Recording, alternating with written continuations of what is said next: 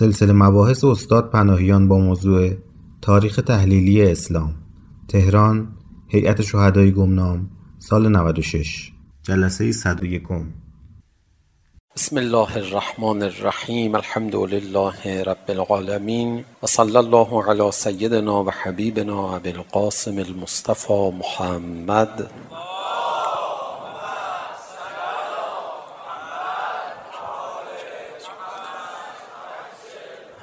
وآل الطيبين الطاهرين المعصومين لا سيما بقية الله في الأراضين روحي وأرواح الغالمين له الفداء واللعن الدائم على أعدائهم أجمعين إلى قيام يوم الدين رب اشرح لي صدري ويسر لي امري واحلل عقدة من لساني يفقهوا قولي یکی از موضوعات بسیار مهم در تحلیل سیاسی تاریخ که میشه ازش درس گرفت برای این جامعه و هر جامعه دیگری. این است که لازم نبود مردم مدینه اقدامات بسیار بزرگی انجام بدن تا این مظلومیت بر علی ابن ابی طالب علیه السلام تحمیل نشه. لازم نبود جهاد کنن کشته بشن صحنه مثل صحنه کربلا نبود. ما وقتی مظلومیت ائمه هدا علیهم السلام رو میبینیم میریم سراغ این که آیا کسانی بودن مردانه به ایستن از جان خود بگذرن از هستی خود بگذرن در راه دین در راه ولی خدا؟ خیلی از اوقات آغاز فتنه ها از سکوت نابجاست. آغاز گرفتاری ها و مظلومیت ها از عدم نصرت نه بحث خیانت به معنای اینکه همه بخوان از دم به شدت خائنانه رفتار بکنن. همه از دم به شدت جهالت داشته باشن. همه از دم به شدت اناد داشته باشن. اینجوری نبود. هیچ وقت اینجوری نبود. کربلا هم حتی اینطور نبود. شما در همین انقلاب خودمون هم میبینید. چیزهایی رو که با اینکه ماها هممون تو متنش بودیم نمیتونیم درست باورش کنیم درست تحلیلش کنیم درست تعریفش کنیم حالا نه تحلیل.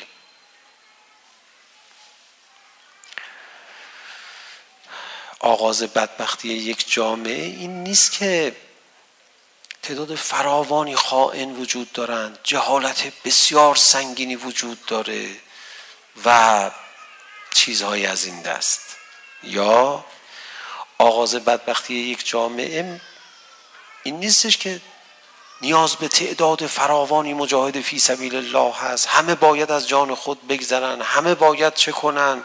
و خب به این سادگی ها این همه به دست نمی آید پس جامعه بدبخت می شود نه. اگر بناس جلوی فتنه گرفته بشه با چند تا اقدام ساده جلوی فتنه گرفته میشه. و اگر بناس فتنه پا بگیره با چند تا اقدام ساده اون فتنه پا میگیره. اگر بناس جامعه خوشبخت بشن با چند اقدام ساده خوشبخت میشن. و اگر بناس یک جامعه بدبخت بشن با چند اقدام ساده بدبخت میشن اینو چجوری باید تحلیل کرد؟ بله ما مفهوم جهاد در راه خدا رو داریم مفهوم شهادت رو داریم مفهوم هجرت رو داریم. و تیپ شناسی هم بخوایم بکنیم انواع افراد رو بر اساس قرآن منافق داریم مؤمن داریم کافر داریم. ولی عرصه حیات اجتماعی بدبختی یا سعادتش وابسته است به چهار تا اقدام ساده بعد اون چند تا اقدام ساده وقتی به خوبی صورت نمیگیره آدم احساس میکنه خدا غضب میکنه بنده بعید میدونم مردمی که تو نه دی اومدن بیرون قسل شهادت کرده باشن وصیت نامه نوشته باشن شب قبلشو سحر همه به مناجات برخواسته باشن و شهدا همه به خواب و رویای صادقانه اونها رفته باشن و نمیدونم فرشته ها همه به اینها وحی نازل کرده باشن و نه یه کار خیلی ساده کردن. اصلا من فکر نمی کنم کسانی که تو تظاهرات نه دی شرکت کرده بودن فکر میکردن بعدا تاریخی میشن. بلند شیم بریم الان همه گفتن تظاهرات بریم. چه خبره؟ شروع کردن خیابون همین سادگی تعداد زیادی این فکر به ذهنشون رسید. و یه اقدام ساده کردن. چیزی حدود میدان امام حسین علیه السلام تا میدان انقلاب رو پیاده روی کردن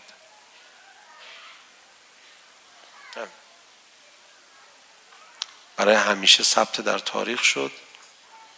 خون دیویس هزار شهید پایمال نشد. این جریان مقدم سازی برای ظهور حضرت مختل نشد. و بعد اعدام ها و فجایع وحشتناکی مثل سوریه و عراق کارهایی که تروریست ها انجام بدن اینجا دیگه انجام نشد. و بعد خیلی این کشور ویران و نابود نشد. مگه چیکار کردن اینا؟ یه کار خیلی ساده کردن.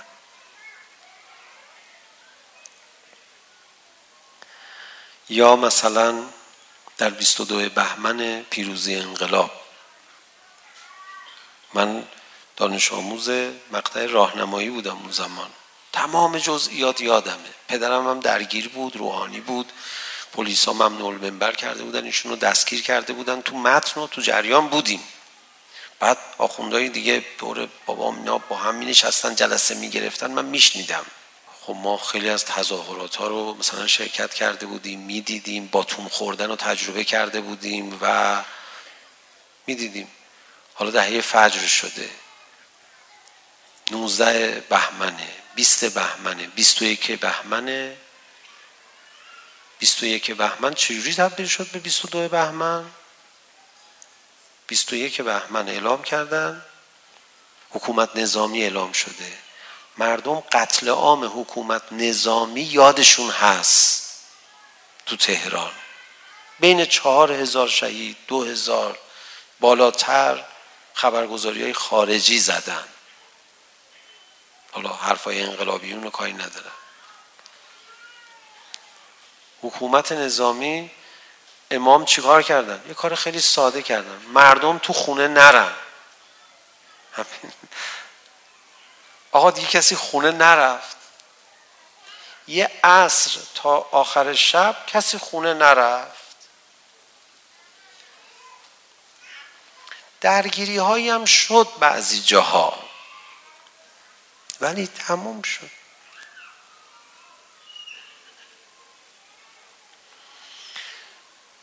الان شاید خیلی تبلیغات درباره پیروزی انقلاب شما بشنوید.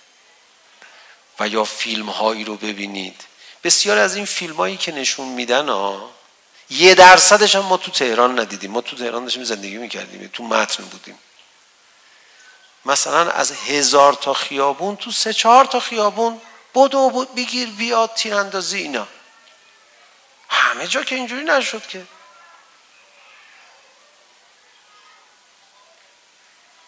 بله اساسا کار بزرگ همینه. من باید چیکار کنم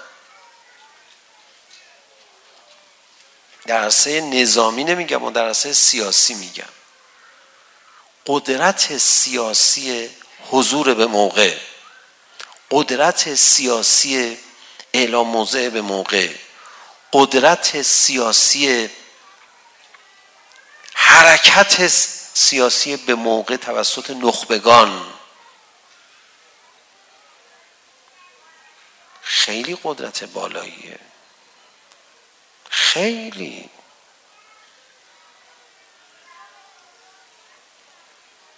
بعدها در تاریخ ثبت خواهند کرد چقدر از مشکلات معیشتی و اقتصادی مردم به عهده حوزه های علمی است که اعتراض به شیوه لیبرالی اداره کشور نکردند الان اینا خودشون نشون نمیده یک حرکت به موقع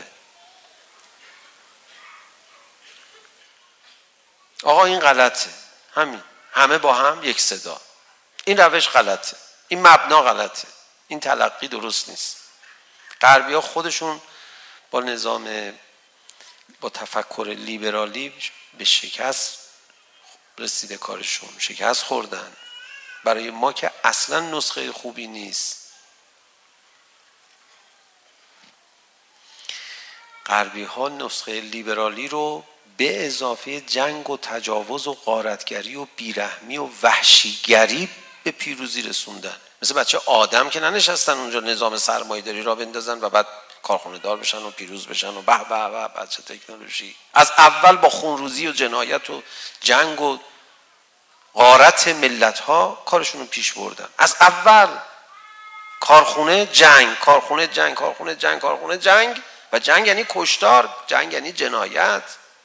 ما میتونیم اینجوری پیش بریم و هم مثل, مثل همونا میخوایم کارخونه همونا پیش بریم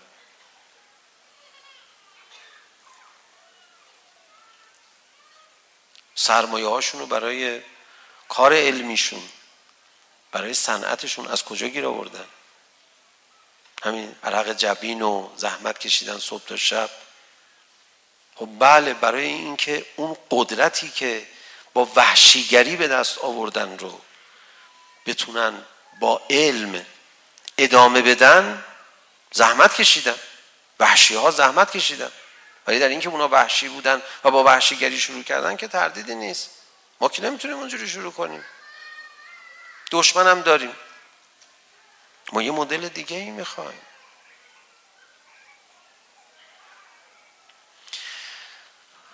حالا نمیده الان صحبت نکنیم. مخصوصا یه بحث پیچیده‌ای که الان بنده دارم مطرح میکنم که تفکر لیبرالی این کشور رو زمینگیر کرده سالهاست. اصلا به دولت ها کاری ندارم. هیچ دولتی از این تفکر زیاد فاصله نگرفته. مجلس ها هم همینطور. مجلس ها هم تو تصویب قوانینشون زیاد فاصله نگرفتن از تفکر لیبرالی برای اداره کشور.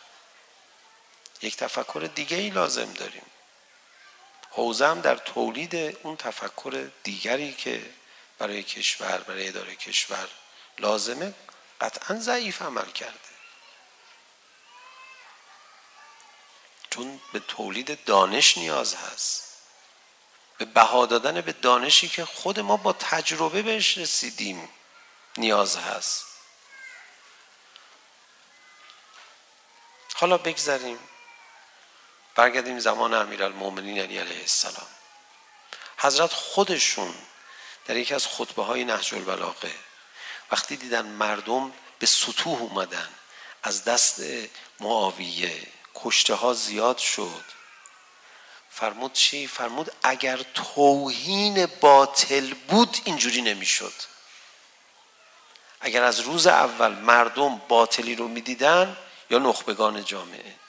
سکوت نمیکردن توهینش میکردن توهین نه فحش بدن یعنی غلط بودنش رو بیان میکردن. میگفتن این کار درست نیست همین این کار درست نیست وحنش رو میگفتن. نه اینکه حالا بخوان از جان گذشتگی بکنن. آقا این غلطه. اینو میگفتن. کار به اینجا نمیکشید. سخت نمیشد کار.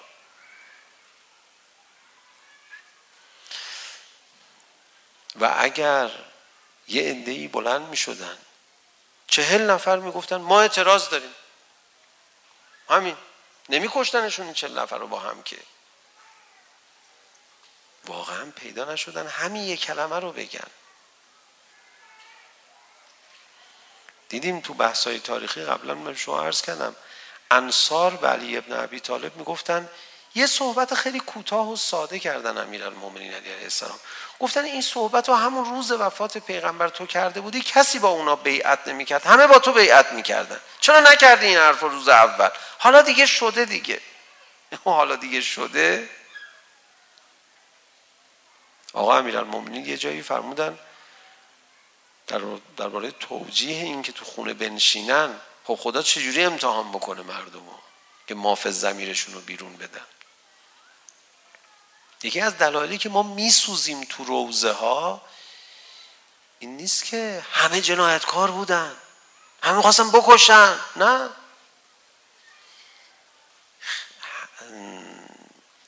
یه اقدام خیلی ساده میتونست آتیش در خانه از زهرا رو خاموش بکنه و اصلا نظر اون آتیش گرفته بشه. چند تا اقدام ساده. خدا سختگیر نیست به بندگانش. در زندگی فردی ما هم این قصه جاریه. هر چی روز قیامت بگی خدایا سخت بود میفرماد اونا هیچی. بعد دست ما رو میگیره میره اون نقطه های آسون رو نشون میده. میگه این چی؟ این چی؟ این چی؟ شما میبینی خطاهایی کردی که آره میشد ازش بگذری. نمی کشتت ما خیلی وقتا دنبال قهرمان تو وجود خودمون میگردیم. نه کارهای خیلی ساده. خدا از ما انتظارش زیاد نیست. همه برگردیم به زندگی خودمون نگاه کنیم. هر چه عقب موندگی داریم به خاطر ترک کارهای خیلی ساده‌ایه که میتونستیم انجام بدیم. طوری هم نمیشده. آقا فلان روز من یادم رفت. نمازم اصلا اول وقت بخونم از بس درگیر بودم. خب باش اون هیچ. فلان روز یه کاری رو درگیر بودم یادم نرفت ولی نمیتونستم. میدونی اعصابشو نداشتم اول نماز بخونم. خب اونم هیچ. فلان روزم فلانیا رو درواسی مهمونی نتونستم نظام نمازم اول خب اونم هیچ. بعد خدا بفرماد فلان روز چی؟ نشسته بودی پای تلویزیون. اون روزم خیلی خسته بودم. خب باشه اونم هیچی. فلان روز چی؟ میگی نه من حالا اون روز واقعا خسته هم نبودم. مثلا خوابیده بودم تا نزدیک ظهر. کار داشتی؟ نه نداشتم. چه بودم نشد؟ اگر بگی کلا فراموش کرده بودم نماز اول وقت میگن آقا اونم هیچی. اون روزی که کلا هم فراموش نکرده بودی چی؟ از اونجا بدبختی های یه نفر شروع میشه.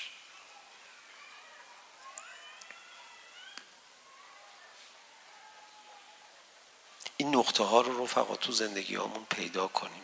همینجا حسرتش رو بخوریم توبه کنیم. خدا از ما قهرمان نمیخواد. یه کارای ساده ای هست. بعد میتونیم ترک کنیم. فشاری هم رومون نیست. مثلا یک کسی گرفتار چشم چرونی باشه. اصلا عادت کرده. مریضه. هرچی درسته؟ همین آدم. خدا روز قیامت بهش میگه که مثلا از ده تا نگاه حرام این دوتاش ولی هیچی نداشتا علکی نگاه کردی میگه آره. ها اون دوتا رو نگاه نمی کرد من همونجا دستتو میگرفتم. من من چی میخواستم ازت؟ اگه اونجا بگی که نمیدونستم میگه نه اون شب تو هیئت گفت دیگه یه طلبه گفت. اونجایی که میتونی اونجایی که میتونی یه کار بدی رو ترک کن. اونجایی که میتونی یه کار خوبی رو انجام بده. سرمایه میشه برات. نه اینکه بگم هر جا نتونستی ولش کن. نه. خیلی وقتا خدا یه زمینه هایی رو برای ما پیش میاره تا قهرمان بشیم. بله اونجا هم دنبال قهرمانی باش. یه گناه بزرگ ترک کنی. یه بخشش بزرگ انجام بدی. یه سخاوت بزرگ انجام بدی. نمیدونم یه ایثار یه جهاد بزرگ یه یه کار بزرگ. اینا رو هم خدا پیش میاره. چرا اینا رو از دست بدیم؟ پیش اومد بدون خدا خیلی تحویلت گرفته. ولی به طور عادی کجا آدم سرمایه جمع میکنه؟ کاش یه بازی اینجوری طراحی بشه. اگر هم هست به من بگید من بازی رو تبلیغ خواهم کرد. که بگن تو این بازی کسی میبره که اون قسمت های آسون رو با دقت انجام بده مثلا. این دیگه نمیتونه کسی بزنه. تو وجود یک انسان هم همینطوره. منتظر صحنه های بزرگ نباشیم. تو صحنه های کوچیک. و اگه قفلت کردیم از اونا توبه کنیم. خدا همیشه هست. بالای سر ما و هر لحظه ازمون میپرسه. اینجا میخوای چیکار کنیم؟ خدا اینجوری نیست که فقط بعضی از لحظه ها باشه. همیشه هست. برای همه ما زمینه های پیش میاد که میتونیم حسابی خرید کنیم. بعضی وقتا شیطون به ما میگه حالا حالا تو میخوای یه دفعه آیت الله لزما بهجت بشی؟ این کارا کارای اوناست. حالا درست الان وقتشو داری حالشو داری. حالا تو با این یه دونه کار خوب آدم نمیشه ول کن. اینجوری میزن آدمو پشیمون میکنه. اعتماد به نفس آدمو میگیره. یا میخوای یه گناه ساده پیزوری بیخود و علکی رو ترک کنی. باور کنید ضربایی که آدم میخوره از این جور گناه هاست. باور کنید نمیشه توضیح بدم. ها چیزی هم نداره. یه کشتت. مثلا میخوای اونو ترک کنی او تو اینقدر گنداش و انجام حالا شیطون وسوسه میکنه نمیذاره بعد از با, با همون لطمه میخوری جامعه هم همینجور فرد هم همینجوره یورید الله بکم الیسر خدا آسون میگیره آسون یعنی همین دیگه آسون یعنی سخت نمیگیره که خودش فرمود من آسون میگیرم. پس اون جایی که آسون بوده من ضربه خوردم کجا بوده؟ اونو حواشو داشته باش. اون جایی که آسون بوده میتونستم ببرم کجا بوده؟ اونو حواشو داشته باش. حتما یه جاهایی خوب شدن برامون آسونه. خوب بودن. اونجا رو غفلت نکن. ببین خدا باهات چیکار میکنه. این یه رازه در مورد جامعه هم همینطوره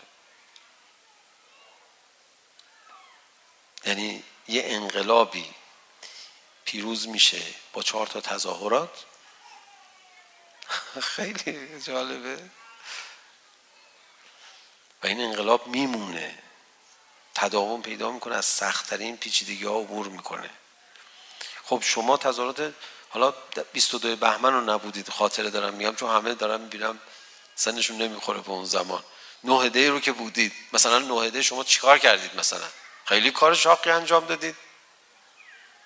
بعد که مقام معظم رهبری میفرماد در آینده معلوم خواهد شد که این نه دی تعابیر شبیه به این دارن. چه عظمتی ایجاد کرد؟ مملکت رو از چه بحران هایی نجات داد؟ میخواستن چیکار کنن با این کشور؟ چقدر چنگ و دندون تیز کرده بودن همین مثلا تنش هایی که اخیرا ایجاد شد مردم اختشاشگرا رو تنها گذاشتن. تنها گذاشتن اختشاشگرا کاری نداشت. یه کار ساده بود. مردم انجام دادن. یه فتنه ای که میتونست فتنه بزرگتر باشه خاموش شد. با چند تا اقدام ساده.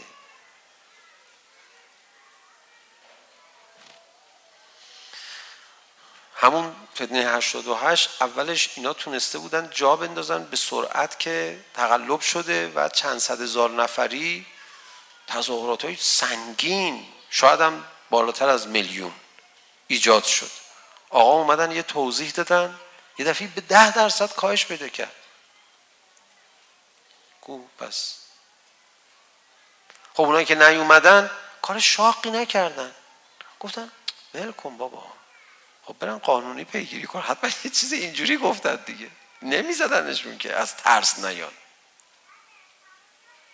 یه تشخیص ساده دادن یه اقدام ساده دادن زحمت دادن به خودشون دوباره بیان بگن خب آقا که فرمود که بیان سند بیارن ابطال انتخابات که نمیشه راست میگه دیگه اگه بخواد هر دفعه ابطال بشه که دیگه هیچ سنگ رو بر نمیشه دفعه دیگه تو رای بیاری اونا تظاهرات دفعه دیگه اونا رای بیارن اونا تظاهرات نمیشه که همین چیز خیلی ساده قبول کردن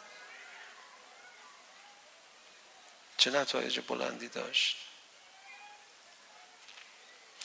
اگه کسی میخواست میخواد در مدیریت موفق بشه بره از نکات بسیار ساده شروع کنه اگه کسی میخواد تو درس خوندن موفق بشه بره از نکات خیلی ساده شروع کنه کسی میخواد تو اداره شخصیت و روحیات خودش شروع کنه. بره از نکات خیلی همیشه هست تو همه جا هست.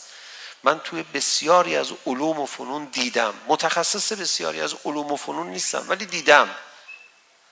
من تحصیل کرده مثلا مدیریت نیستم ولی دیدم نکات ناب مدیریتی همون نکات بسیار ساده است. تبلیغش میکنم. تو تربیت دوباره به چند تا نقطه بسیار ساده تاکید میکنن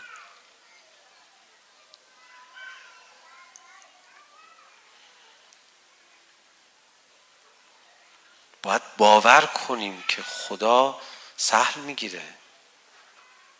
خب روزه بخونم. روزه یک اتفاق خیلی ساده است که داد ما رو در میاره. اون همه پیچیدگی سیاسی یه دفعه بین در و دیوار ساده شد. یه خانمی صدا زد وا ابتا یه جوری زد چه زد. همه شنیدن. آقا الان بحث عوض شد. این خانم دختر پیغمبرن. آقا یه دقیقه همه برن کنار ببینیم. صبر کنیم. ساده کردن زهرا ماجرا رو. من دختر پیغمبر شما اومدن پشت در گفتن یا علی بیاد بیرون یا آتیش میزنیم خانه رو. حضرت زهرا ساده کرد ماجرا رو. تحلیل سیاسی همه کنار. فرمود که من دختر پیغمبر شمام الان تو خونم. بازم آتیش میزنی؟ گفتن ولو تو هم باشی آتیش میزنی. حضرت رها نکرد مشاجره رو. حتی برخی از نقل ها هست. حضرت قبل از اینکه اینا بخوان یورش بیارن این حضور اینا رو دم در دید اومد بیرون در. اومد تو کوچه ایستاد. زجه ای زد که همه مردم مدینه شنیدن. نقل شده این در برخی از مقاطع. که دارن چی کار میکنن؟ اینقدر ساده کرد ماجرا رو. یه عده‌ای که با خودشون آورده بودن برای کتک کاری هیزو هم دستشون داده بودن. ارازل و اوباشی بودن. کتک بزن و مثلا مزدور بودن. میگه دفعه هیزو ما رو ریختن گفتن فلانی ما رفتیم ما حریف دختر پیغمبر نمیشیم. اینقدر ساده کرد ماجرا رو.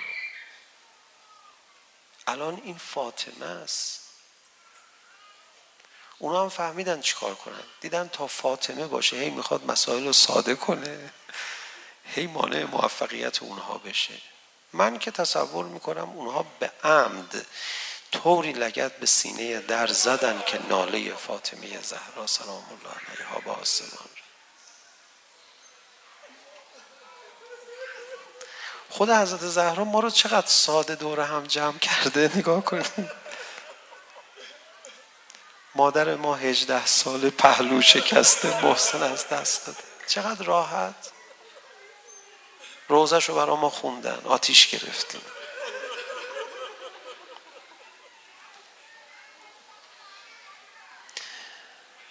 نمیدونم شما هم حس میکنید یا نه. آدم محرما ممکنه بیشتر گریه بکنه ولی کمتر از درون آتیش میگیره. فاطمی آدم بد بدجوری از داخل آتیش میگیره. نه روزه خون کامل روزه میخونه. نه سینه زن راحت فریاد میزنه. همش به حاشیه میپردازیم. نمیشه همه چیز رو گفت. انشالله هیچ کسی رو مادرش رو جلو چشمش کتک نزنه. یا فاطمه زهرا کشتی ما رو مادر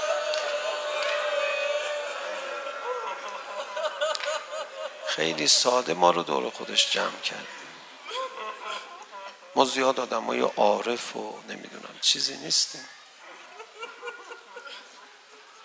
ما مثل اون پسرایی میمونیم که بعد از یه مسافرتی برگشتیم محل از سر کوچه مردم چپ چپ به ما نگاه میکنن میگیم چی شده؟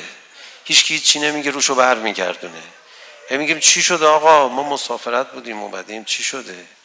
به خدا قسم کسی جرئت نمیکنه بیاد جلو بگه ببین مادر تو کتک زده. ما مثل اون پسرایی میمونیم که بهمون گفتن مادر تو کتک زدن. رومون نمیشه بریم بریم خونه.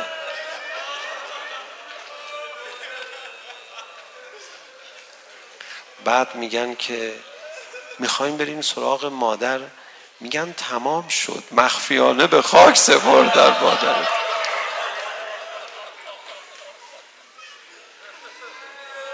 ما حال اونا رو داریم.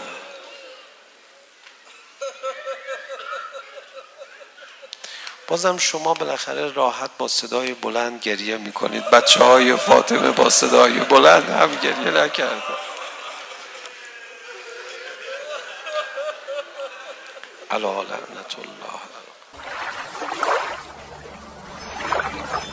بیان nuqta نقطه آی آر